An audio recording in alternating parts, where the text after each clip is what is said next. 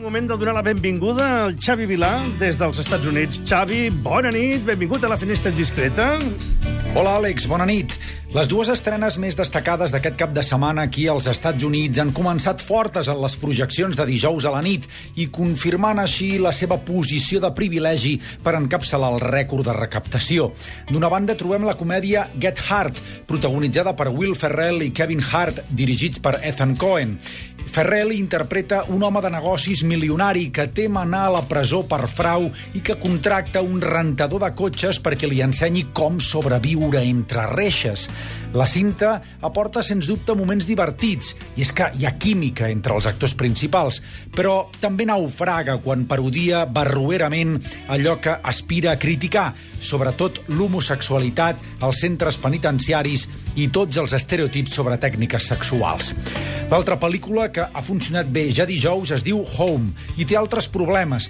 L'últim intent de la DreamWorks de sortir del pou a preu d'or, parlem d'una producció de 130 milions de dòlars, abandona totes les referències a la cultura popular descrites al llibre d'Adam Rex, The True Meaning of Smegday, origen de la producció cinematogràfica, amb la qual cosa es perd molt la frescor i l'humor del relat original.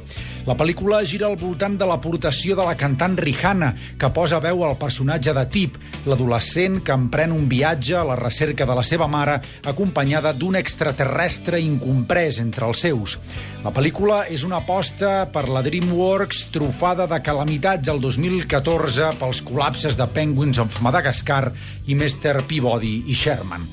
Parlant de calamitats, un apunt ràpid de Serena, on Jennifer Lawrence i Bradley Cooper estiren la col·laboració que tan bon rendiment els ha anat donant els últims anys però en aquest cas per protagonitzar una pel·lícula molt, molt fluixa.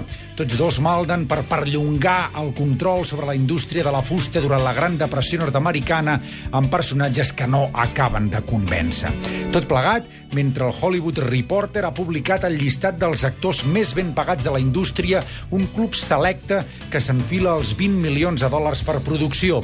Cal anotar, però, que, segons la publicació, Leonardo DiCaprio es va embutxacar 25 milions pel seu paper a The Wolf of Wall Street, si bé aquí s'hi va incloure la seva part com a productor. Aquest selecte club dels 20 milions està completat també per Robert Downey Jr., Sandra Bullock, Angelina Jolie, Denzel Washington i Matt Damon, si bé hi pot haver alteracions en funció, clar, del tipus de pel·lícula en què s'involucrin. Això és tot per aquesta setmana, Àlex. Bona nit. Bona nit, Xavi Vilà.